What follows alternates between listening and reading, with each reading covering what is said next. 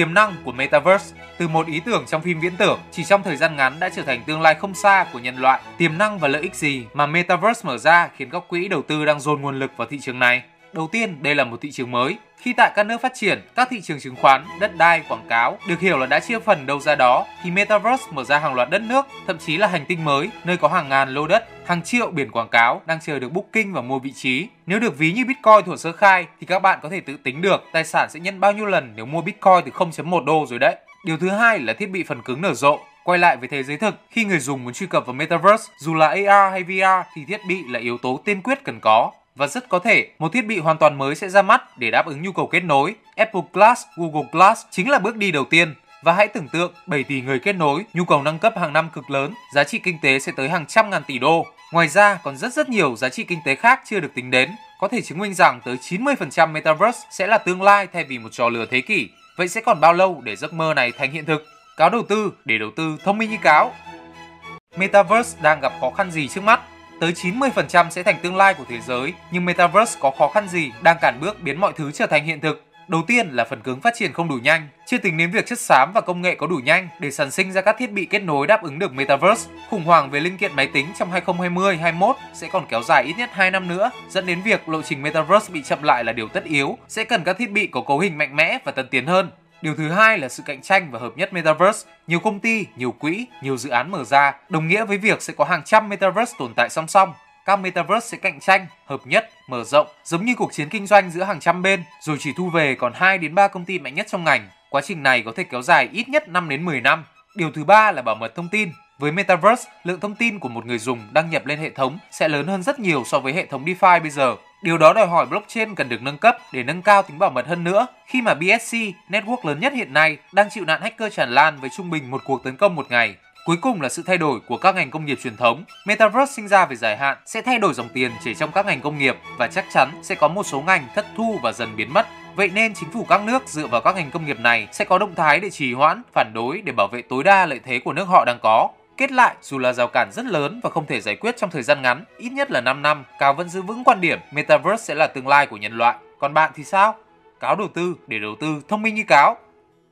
5 checklist để check hàng dự án tiềm năng. Có thể bạn không biết, dù các dự án IDO cực kỳ hấp dẫn khi mang lại lợi nhuận nhân 5 nhân 10 lần, nhưng 90% dự án IDO là thất bại hoặc lừa đảo. Vậy nên đừng bỏ qua 5 điểm sau để check hàng dự án trước khi xuống tiền nhé. Một, đừng chỉ đọc white paper. White paper luôn là thứ mà các bên phân tích và nghiên cứu đầu tiên. Tuy nhiên, white paper không phải là tất cả vì đó là thứ được dự án chuẩn bị rất kỹ, giống như một chiếc bánh vẽ, luôn ngon và đẹp nhất có thể. Vậy nên, cáo đánh giá white paper tốt chỉ chiếm 10% mà thôi.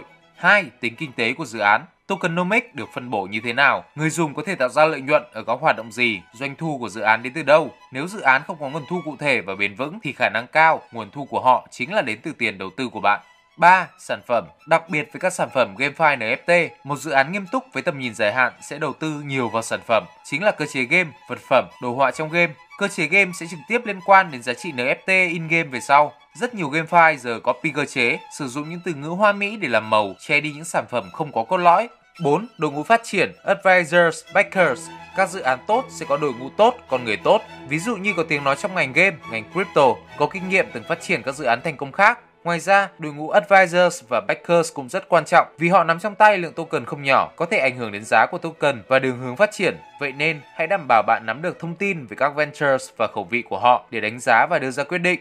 5. Cộng đồng Cộng đồng trên các mạng xã hội được xây chuẩn chỉ, số lượng holders nhiều là yếu tố cuối cùng, then chốt của một dự án thành công. Cộng đồng mạnh cũng chứng minh hoạt động marketing của dự án tốt có được sự ủng hộ của cộng đồng chứ không chỉ của vài đội lái giá. Cáo đầu tư để đầu tư thông minh như cáo.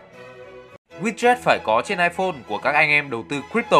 Nếu anh em đang dùng iPhone, Cáo chắc chắn anh em sẽ không thể bỏ qua được widget này để luôn cập nhật bản giá. Cụ thể, Cáo đang sử dụng widget chính là CoinMarketCap phiên bản app. Bước 1, đào app từ App Store về, đăng nhập tài khoản và tạo danh sách theo dõi của mình.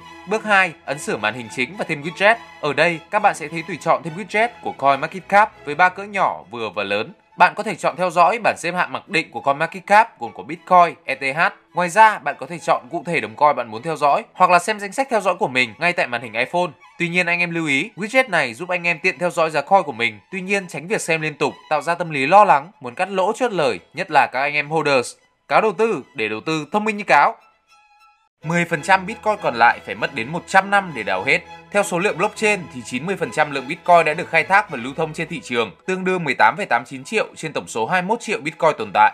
Kể từ khi Bitcoin lần đầu tiên được khai thác vào tháng 1 năm 2009 thì nó đã tạo nên một làn sóng vô cùng lớn cũng như một cuộc cách mạng về blockchain. Ở thời điểm hiện tại, BTC được coi như một phần của thế giới tài chính vì nó được các thợ đào khai thác triệt để đến 90%.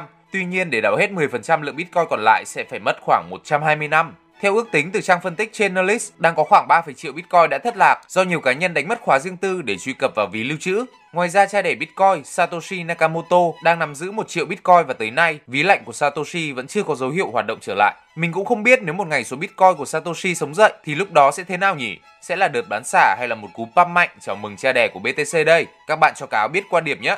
Cáo đầu tư để đầu tư thông minh như cáo.